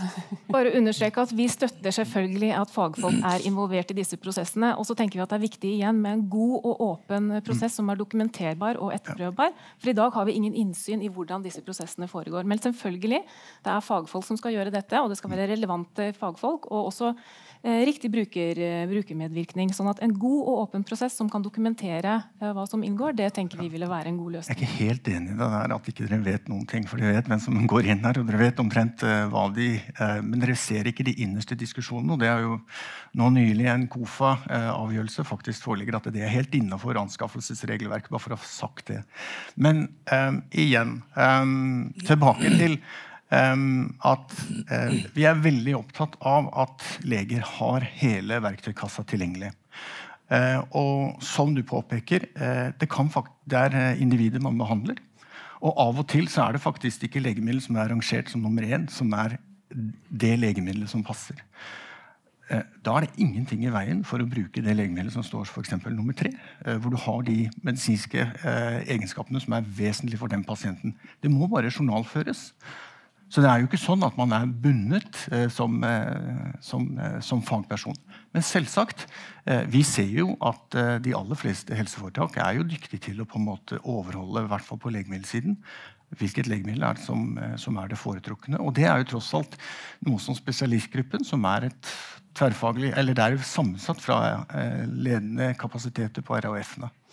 Jeg ja, vær så god. jeg, tenker at Det er veldig viktig uh, Det er en del anbud som er ganske store etter hvert, hvor du kanskje har veldig mange legemidler. og mm. Da kan det være sånn at pasienten da må gå gjennom legemiddel A, B, C, D før den mm. kanskje kommer til E, som er det rette. Og I denne perioden, som kan gå over veldig lang tid, så vil jo pasienten lide av et helsetap. Så vi tenker at her må vi komme sammen og finne gode prosesser for hvordan vi kan gjøre disse grupperingene bedre. Selvsagt. Mm. Henriette? Jeg har bare lyst til å nevne også i forhold til dette her med valgmulighetene. for vi, vi, ser jo at, eh, at, man i veldig stor grad har utlyst uh, avtaler om en hovedleverandør, og så har man en backup i forhold til en bi og, bileverandør nummer én og nummer to. Og ja, det er en teoretisk mulighet å ta inn andre produkter utenfor i en viss andel, og så er det en teoretisk mulighet å bruke leverandør nummer to eller tre. Men nettopp som du sier, så er terskelen for å gjøre det er ganske høy. Uh, sånn at det blir mer en sånn teoretisk mulighet, er det vi opplever. Og når de står ute på sykehus sykehusene også, så, det, så, har man ofte ikke lagerført heller. Så det er liksom ikke sånn det fungerer i praksis. Eh, vi ser at i en del andre, eller ikke en del andre land, men i noen andre land, bl.a. i Sverige, så har de større praksis av dette man kaller liksom license to sell, eller at man har mer en, en åpen avtale med flere leverandører, hvor klinikkene avgjør eh, hva de mener er, er, fornuftig i forhold til den praksisen som de har. Så Det syns vi er en mye bedre eh, praksis enn det vi har eh, i Norge, hvor vi har én hovedleverandør. Og det er sikkert sammenheng med at man ønsker å presse pris. fordi at man, lover man et stort volum til en, en leverandør, mm. eh, så er det klart at eh, det er mer attraktivt å, å senke prisen. Ja. Mm. Um, igjen, Det er ingen hinder at man innretter en anskaffelse etter, etter som du sier her. Det er ingen hinder. Eh, men jeg tror det som er helt avgjørende, det er det at uh, når uh, leverandører skal konkurrere om dette, så vet de hva de konkurrerer om. Det er veldig vesentlig hvorvidt du tror at du skal få uh, 90% av dette, eller om du skal dele det med en annen vinner. I dag så har vi anbud med flere vinnere. for å igjen komme tilbake til dette med leveringssikkerhet. Så det handler noe med innretningen. Og igjen, når disse tingene er kritiske, så dialog. Mm. Dialog tidlig. Mm. Det er helt essensielt. Mm. Veldig bra. Eh, tida går. Vi må snart få Karl Kristian opp hit, men eh, vi tar runden igjen. Hva, hva, skal han ta med seg hjem? Vi kan begynne med deg, Henriette. Eh, vi ønsker oss tydelig ledelse med marsjordre og flere ressurser. Eh, flere insentiv. Eh, og oppfølging, ikke minst av investeringer, utvikling og innovasjon i helsetjenesten. Vi ønsker i enda større grad innkjøp og anskaffelsesinstituttet inn i helsetjenestens toppledelse, sånn at man får en strategisk innretning på innkjøpene, og at de også understøtter målene i Nasjonal helse- og sykehusplan og helsenæringsmeldingen. Og så trenger man som det har vært nevnt tidligere, fokus på endrings- og omstillingsledelse og kompetanse i helsetjenesten. Fordi at en del innovasjon eh, og nye arbeidsmåter krever faktisk at man har kompetanse til omstilling. Og det er vanskelig. Og så til syvende og sist så må vi legge bort sparekniven. Verdens beste helsetjeneste må også ha råd til å investere. og Det ble sagt, som sagt i stad. det vet vi at Riksrevisjonen allerede har påpekt. At det trengs mer midler til å investere. Skal vi en, uh, klare å få til den innovasjonen i helsetjenesten som faktisk uh, flere av stortingsmeldingene påpeker. Mm. Takk skal du ha. Barbara? Ja, jeg vil egentlig bare understreke det som har blitt sagt før fra tidligere kolleger her. Eh, jeg tror det er kjempeviktig at vi ser eh, helsenæring når vi tenker helsenæring, så må vi se det i en helhet, hvor også offentlige anskaffelser er en del av det økosystemet. Eh, det vil f.eks. være en utfordring dersom det er sånn at det som er standardbehandling i andre land, ikke er tatt i bruk i Norge enda, så er det noe som gjør en utfordring for oss når vi skal selge Norge oppover som et attraktivt land. Så det å følge opp de gode politiske intensjonene i, i praksis, Se på offentlige anskaffelser som en del av dette store økosystemet, sånn at pasientene kan få eh, raskere tilgang til nye innovasjoner. Det er det ene. Og det andre er at jeg tror det er rom også for å øke, eh, øke, øke, investeringene i innovasjon i Norge. Vi har hørt disse tallene som ligger på 6-8 som er ganske lavt i forhold til andre land i Europa. Så vi tror det er rom til å øke, øke, investeringene, sånn at norske pasienter skal få raskere tilgang til nye innovasjoner. Um, følg opp eh, Proba-rapporten rapporten og det som ligger der. Jeg tror det, det, er viktig. Vær tett på det. Eh, jeg vet at det er veldig mye som ligger på bordet til departementet, men det tror jeg er veldig viktig. Det tror jeg veldig mange har en forventning om. Og det har vi også en forventning om, at vi skal, få, at vi skal være en eh, bra bidragsyter til det.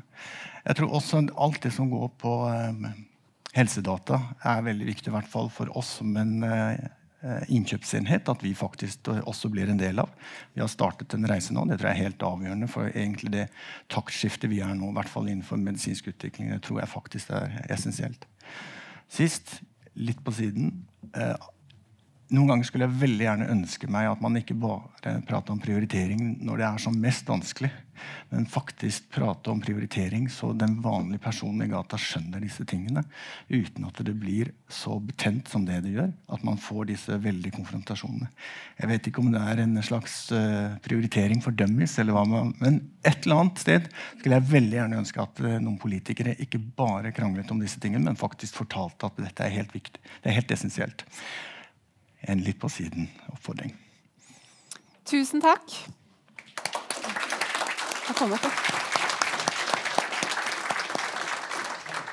Har, du kan ta en håndholdt eh, mikrofon der. du, Karl Kristian Beking, Statssekretær i Helse- og omsorgsdepartementet. Må gi applaus til han òg. Eh, først av alt, tusen takk for at du faktisk har sittet og hørt på alle som har snakket i dag. Det er eh, helt nydelig. Eh, hva er eh, din umiddelbare kommentar? Eh, hvis det er litt sånn forskjellige ting du har merka deg? Uh, nei, det er jo et bredt lerret å, å, bleke. Takk for uh, veldig interessante innlegg. Det har vært veldig spennende å sitte og høre på. Uh, det jeg sitter og tenker på gjennom disse panelene, er jo at mange peker på dette samspillet mm. som må bli bedre. Yep. Jeg synes uh, egentlig Det kom allerede tidlig i første runde fra klinikken. altså Det at man er på samme sted, at man har tid og rom og mulighet til å samarbeide, at man har bygg. Og da tenker jeg litt at øh, Det er jo litt som en fotballbane. og der har staten en del jobber å gjøre, men også noen ting man skal passe seg for. Mm. Altså Vi skal bygge banen. ikke sant? Vi skal som Frikk påpeker, ha sykehus som faktisk gjør det mulig å drive innovasjon. Eh, det er gamle sykehusbygg som, som ikke egner seg til å være i fronten på eh, den beste pasientbehandlingen og de beste pasientforløpene. Eh, man skal vedlikeholde banen, og det handler om det kontinuerlige arbeidet som mange av dere har vært innom på. Disse tingene som har ligget til strategier, som har ligget til meldinger, som må følges opp og som må forbedres kontinuerlig. Også da det som ligger i Proba-rapporten. Og en av de første tingene vi gjorde, var jo også å ta inn i oppdragene til sykehusene nettopp eh, denne politiske ledelsens innstendige anbefaling om å opprettholde eh, trykket på innovasjon og, og utvikling og samarbeid med bransjen. Men så skal uh, man lager reglene. Spillereglene. Og det er jo det som av og til hviler litt i, i, bakgrunnen når vi snakker om prioriteringer. Uh, og der har jeg jo sagt tidligere og, og, sier her også igjen at de reglene lages i Stortinget. Uh, og de reglene er uh, ekstremt viktige, fordi dersom de endres, så endrer man også fundamentalt på hva folk opplever som et rettferdig helsevesen. Mm. men til sist så må myndighetene skygge banen. Eh, skal dette her fungere, eh, så kan ikke og det var vel flere av dere inne på, staten også se for seg at vi skal bygge opp det, som, altså det samspillet. Eh, når vi har sett på IKT-utvikling og IT-prosjekter, så er denne statsråden veldig tydelig på at uh, her har vi masse gode bra uh, bransjeaktører mm. uh, og muligheten for utstrakt samarbeid. Og man må finne lokale løsninger veldig mange steder, fordi de ulike helseforetakene er ikke like. Vi trenger ikke å bygge opp liksom, en mastodont som skal ta den jobben. Det kan ikke være staten, bør ikke være statens rolle. Eh, og her er det jo litt sånn interessant da, at eh, eller eh, De som kjenner eh, norsk politikk, vet jo at eh, Høyre og Arbeiderpartiet ofte har litt annerledes roller her, men vi mener jo da på dette området at kanskje forrige regjering var litt for mye på banen. Der hvor man kunne holdt litt igjen og heller eh, prøve å slippe markedsaktørene inn. Eh, for det er nettopp det å bygge den kulturen da, som har vært en gjennomsyrende faktor hos eh, flere av panelene her, for at det er lov å samarbeide. Eh, og at det er bra å samarbeide med næringslivsaktører. Eh, og at det også gjør det spennende å være fagfolk i vår felles helsetjeneste. Det tror jeg er veldig viktig. Hvis vi eh, bredder oss litt ut, ser på helsenæring, hva er eh, regjeringens eh, og, og um, altså helseministerens og næringsministerens visjoner for, og ambisjoner for norsk helsenæring? Det eh, er at det skal være altså Helseministerens ambisjoner er jo i stor grad at det skal komme pasientene til gode. Eh, de samarbeid vi har, de tingene vi eh, anskaffer og prøver ut, eh, de nye metodene vi innfører, må komme så mange som mulig pasienter til gode. Og Der er det jo av og til en interessekonflikt som hviler bak noen av de debattene vi har hatt nå. Det helseministeren er opptatt av, er selvfølgelig å kunne være at Norge er et, et vekstområde for, for, å prøve ut og, og, og bygge opp helseindustri og helsenæring. Uh, og det er klart, uh, Noen av de tingene som, som er blitt nevnt uh, knyttet til Nortrials, det å få opp kliniske studier i Norge, det å gjøre det å prøve ut behandling til noe som vi kan gjøre i samarbeid før vi på en måte kommer til den diskusjonen om man skal implementere i helsetjenesten, der er det en ambisjon om å få opp tallet på kliniske studier, få opp det utprøvningsstadiet gjennom metoder som jeg tror både Sykehusinnkjøp og, og, og, og, Frikk har pekt på at man har en ambisjon og et ønske om å gjøre videre. Så der tror jeg det handler om å endre kultur. Mm. Ja, det er ikke bare bare å endre kultur. Men eh, det er én ting som jeg stusser veldig på når det kommer til eh, Arbeiderpartiet og helsenæring, og det eh, som jeg også har diskutert med flere her nede i år, og også tidligere. Altså, Hvordan er dere i forhold til privat-offentlig samarbeid? Når er det greit å være privat? Og når skal du kjøpes opp og bli offentlig, sånn som de holder på i Oslo kommune i forhold til uh, barnehager og eldrehjem? Nei, Det er det, det, er det. jeg syns er sånn interessant. Da, at uh, Det ligger i hvert fall i mitt sosialdemokratiske gen at eh, på f.eks. medisinsk-teknisk utstyr og Der burde vi skygge banen. Altså, her må man jo kunne samarbeide med private aktører og, og utvikle gode ting. Uh, mens uh, når det gjelder uh, offentlig velferdstjenesteyting, altså det å, å, å, yte helsehjelpen, det er det en åpenbar ideologisk forskjell mellom oss og høyresiden på. at Den skal i all hovedsak være offentlig. Men det får man jo til. altså Når vi hørte fra, fra kreftfeltet her innledningsvis altså Det at sykehuset er offentlig, mm. bygd, eid, og at driften er offentlig, betyr ikke at man kan ha et utstrakt offentlig-privat samarbeid. Men, og der tror jeg det er viktig at man er tydelig. da. Fordi eh, jeg tror også de som jobber i den offentlige helsetjenesten, vet at ja, det er ønsket. Eh, men vi ønsker ikke at eh, deler av behandlingen eller deler av omsorgen skal settes ut til andre. Ok, ja. Dere skjønte det? Dere skjønner forskjellene der? Um, vi må snakke litt om, om uh, nye metoder. For det går jo mye på dette her med tilgang og hvor lang tid det tar. Uh, ser jo SLV nå mister utrolig mye folk. Det tar lang tid altså, før de begynner å ta tak i, i, legemidlene som ligger der. Jeg vet at dere har gitt uh, et uh, oppdrag ut til flere forskjellige. Hvor dere har sagt at 1.10. da skal dere være ferdig. Men hva kan vi egentlig forvente oss nå? Og jeg tenker Dette her hører jo sammen med prioriteringsmeldingen. og Hvor dypt, altså hvor, hvor mye skal dere endre i prioriteringsmeldingen også? For det også hører jeg at man, at man diskuterer. Um, nei, Det er jo gitt oppdrag til sykehusene, som for så vidt også vi har fått noen indikasjoner på allerede. Det, det er jo det er de lavthengende fruktene, eller de tingene som kanskje haster mest. da, uh, Knyttet til brukerinvolvering, knyttet til klinikerinvolvering og til å få ned saksbehandlingstid, mm. rett og slett. Ja. Eh, og Det er jo gitt i oppdrag både til SLV, altså Statens legemiddelverk, men også til sykehusene og de andre aktørene. Eh, nettopp eh, det samme likelydende oppdraget, fordi man ser at det er de samme utfordringene som vi må ta tak i. Mm. Eh, og Der får vi noe 1.10, men det virker som man allerede har kommet i ganske god dialog med både fagfeltet og brukerne om løsninger som her kan eh, implementeres, og som forhåpentligvis vil gi en forbedring. Eh, så, eh, og til sist da, Når det gjelder saksbehandlingstid, så er det klart at det, eh, noe av det handler om at man må jobbe mer effektivt. Det er jo noe Statens legemiddelverk har nå har fokusert på. Mm. Det å kunne klare å få ned den saksbehandlingstiden gjennom organisatoriske endringer. og så er det selvfølgelig også da diskusjonen om dokumentasjon. Når er dokumentasjonen god nok? Uh, og uh, får man levert dokumentasjonen? Altså Man etterspør, og så får man ikke. Jeg vil bare gi en replikk på det, selv om jeg, selv om jeg er møteleder. mm. altså, det jeg hører da, er jo at man ofte blir bedt om særnorsk eh, dokumentasjon. Og det er jo et eller annet med at disse legemidlene som det er snakk om, de er godkjent av FDA, de er godkjent av EMA. Så hvorfor i all verden skal vi ha en annen type dokumentasjon i Norge enn det de trenger i andre land. Og det gjelder ikke bare legemidler. Dette vet jeg også gjelder på, på altså metodikk som man trenger innenfor diagnostikk på kreftfeltet. Nei, altså en, eh, en, utfordring er jo at man skal på en måte altså, Som det ble nevnt uh, i noen av panelene også, man skal også sammenligne med annen behandling. Uh, og det kan være behandling uh, eller, eller behandlingsregimer i Norge som man da må kunne klare å, å se det opp mot. Eh, som kanskje ikke har vært en del når, eh, av det når det gikk igjennom eh, om EMA, f.eks. Eh, men når, når, du nevnte prioriteringsmelding, så jeg skal mm. bare ta det ja. på slutten. Supert. Eh, der er det jo tre kanskje liksom store og Da er vi over på spillereglene, de helt sånn store, overordnede eh, prinsippene for mm. hvordan vi prioriterer helsetjenesten.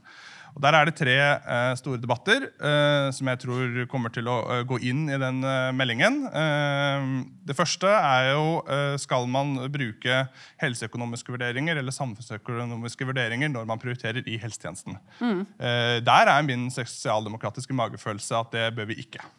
Og Det handler om at uh, hvis vi begynner å prioritere på hvorvidt mennesker er uh, arbeidsføre eller uh, kan være produktive bidrag til samfunnet, så begynner vi å gå inn på en galei som jeg tror ikke tjener tilliten til helsetjenesten totalt. Ka, ka, men det er ikke jeg, jeg, det jeg vi snakker om der. For jeg har lest det, den, det innlegget til Ingvild Kjerkol, og da satte jeg kaffen i halsen. Fordi når vi tenker på samfunnsanalyser, så snakker man jo ikke om å sette folk opp mot hverandre i forhold til de, om de er på jobb eller trygd. Det er jo ikke det som er spørsmålet. For det her, altså, Disse prioriteringene er, eh, får et teknisk utslag. Altså, de, de, ender opp i en beslutning hvor man må vurdere ulike uh, metoder opp mot hverandre og si ja, vi kan gå for dette, eller nei, vi kan ikke. Eh, og det, altså, det, samfunnsøkonomiske perspektivet kan man absolutt ha i debatten, men om det skal være et prioriteringskriterium når man er i helsetjenesten og sier at ja, vi sier ja til dette eller nei, vi sier uh, nei til dette, basert på enten da de helseøkonomiske vurderingene, hvor mange uh, kvalitetsjusterte leveår gir dette, og alvorlighetsgraden, eller om man skal begynne å fakturere inn. og Da må du uh, tallfeste eller finne en måte å fakturere inn de andre faktorene. Og, vi, og det mener vi at vi ikke bør gjøre. Uh, er i hvert fall statsrådens ståsted. Eh, så er det spørsmålet om eh, Skal vi si ja tidlig? Eller, eller, gå inn på, på måte, tidlig utprøving? Eller skal vi si at når vi innfører, så innfører vi til alle? Eh, Kaftero har blitt nevnt, og det er et interessant eksempel. Eh, Sverige sa tidligere ja, eh, og har, gir det til færre. Mm. Norge sa senere ja, det var lange forhandlinger. Det var en ganske tilspisset situasjon, som eh, Sykehuskjøp eh, nevnte her. Men, men, har også da kunnet gi det til en mye større gruppe pasienter. Mm. Og Det er klart det er viktig for helseministeren ja. at så mange som mulig norske pasienter får tilgang til medisiner. I hvert fall mm. medisiner som er helt tydelig dokumenterbart effektive, sånn som Kaftrio er. Eh, så I den debatten så eh, er det mange ulike modeller. og Noen land gjør ting på andre måter. Eh, og jeg tror vi skal være så ærlige at vi skal se til andre land i en sånn melding og prøve å tegne opp et kart og si hvor vi mener at vi bør ligge. Og så blir det en diskusjon i Stortinget da, hvor man skal være i, i henhold til en sånn skala. Det siste, for nå har jeg vært veldig Eh, noen vil kanskje oppfatte meg som negativ eller avvisende her, men det siste punktet, som jeg tror, det er der jeg tror vi har på en måte mye å gå på, hvor jeg liksom merker en viss positivitet også i, i, panelene her, det er jo hvordan håndterer vi eh, manglende dokumentasjon, kort altså dokumentasjon som bare går over kort tid. Må vi vente ti år, sa du? Altså, det er definitivt det også Bent Høie tror jeg, eh, tenkte på når han sa at dette er vi ikke klare for. Og det er helt sant. Altså, System for nye metoder sånn som det er nå, klarer ennå ikke helt å håndtere det eh, på en måte hvor man har altså, Nei, vet du hva, la meg gå ett steg over. Stortinget har ikke gitt noen gode signaler der. Eh, og det tror jeg også Stortinget må gjøre, men da må det være som en del av en helhetlig prioriteringsdiskusjon. Mm. Eh, fordi det er klart at dersom man eh, begynner å flytte den grensen som man nå har lagt, så vil det få vridningseffekter. Og de må vi jo kunne tydeliggjøre, eller må vi tydeliggjøre i en eh, prioriteringsmelding. Mm. Vi utfordrer helt til sist på det med todelt helsevesen. Fordi eh, det er ingen som ønsker seg et todelt helsevesen. Altså, vi, vi ønsker jo et sterkt eh, norsk eh, offentlig helsevesen. Det som jeg tror er litt farlig når man bruker så lang tid på å ta i bruk innovasjoner, eh, og samtidig så ser man at Sverige tar i bruk eh, medisinen, eh, Danmark gjør det. Man kan gå på Aleris, eller kreftklinikken til, til hva er den heter for noe? Marius Nordmann oppå Nordstrand, og få det. Så, så å betale egen lomme da, da, da, får du jo et todelt eh, helsevesen. Og jeg må si at det skjærer i, eh, i hjertet når du ser at disse enkeltpersonene står fram. De, altså, familien er fortvila, de går ut på spleis, altså, de må samle inn masse penger. For det, altså, konsekvensen av at det tar så lang tid, er jo at man i mellomtiden der skaper et todelt helsevesen før det blir da tilgjengelig til, til alle. Hvordan, hva skal man gjøre her?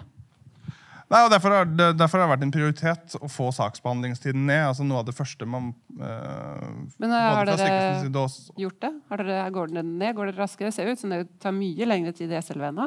Nei, det er, det er, nettopp det. Altså, de omorganiseringene som man gjort i SLV, er jo nettopp med sikte på å få saksbehandlingstiden ned. Eh, de tiltakene som nå gjøres i ROF-ene, og som man har signalisert eh, i våres, og som kommer da i oktober, handler om å få saksbehandlingstiden ned og gjøre dette mer effektivt. og Det er derfor det har vært førsteprioritet. Eh, og så er det klart at det er nettopp her vi må diskutere hvordan vi skal håndtere eh, dokumentasjon. Eh, for det er klart, det er i dette skjæringsfeltet at eh, sykehusene som i den situasjonen de er nå, uh, har strange, tram, stramme budsjettrammer, mm. uh, må også gjøre ganske tunge prioriteringer fremover. Uh, en viktig sak også for helseministeren er å faktisk sørge for at det er investeringsrom i budsjettene fremover. Ja. fordi jeg hører flere sier at nå må vi på en måte satse tyngre på, på, dette feltet. og Da skal jeg høres litt ut som en statssekretær i Finansdepartementet, men det er i den situasjonen vi har i norsk økonomi da, så det å bruke mye mer offentlige penger, mm. det spises opp raskt. Og da, da, mister man hele effekten av men, den typen satsing. Men jeg tror uh, denne næringen her vil ikke ha penger. Vi vil ikke ha penger på statsbudsjettet. Vi vil at du skal gå inn og løse de flokene, sånn at vi kan uh, komme, komme, inn.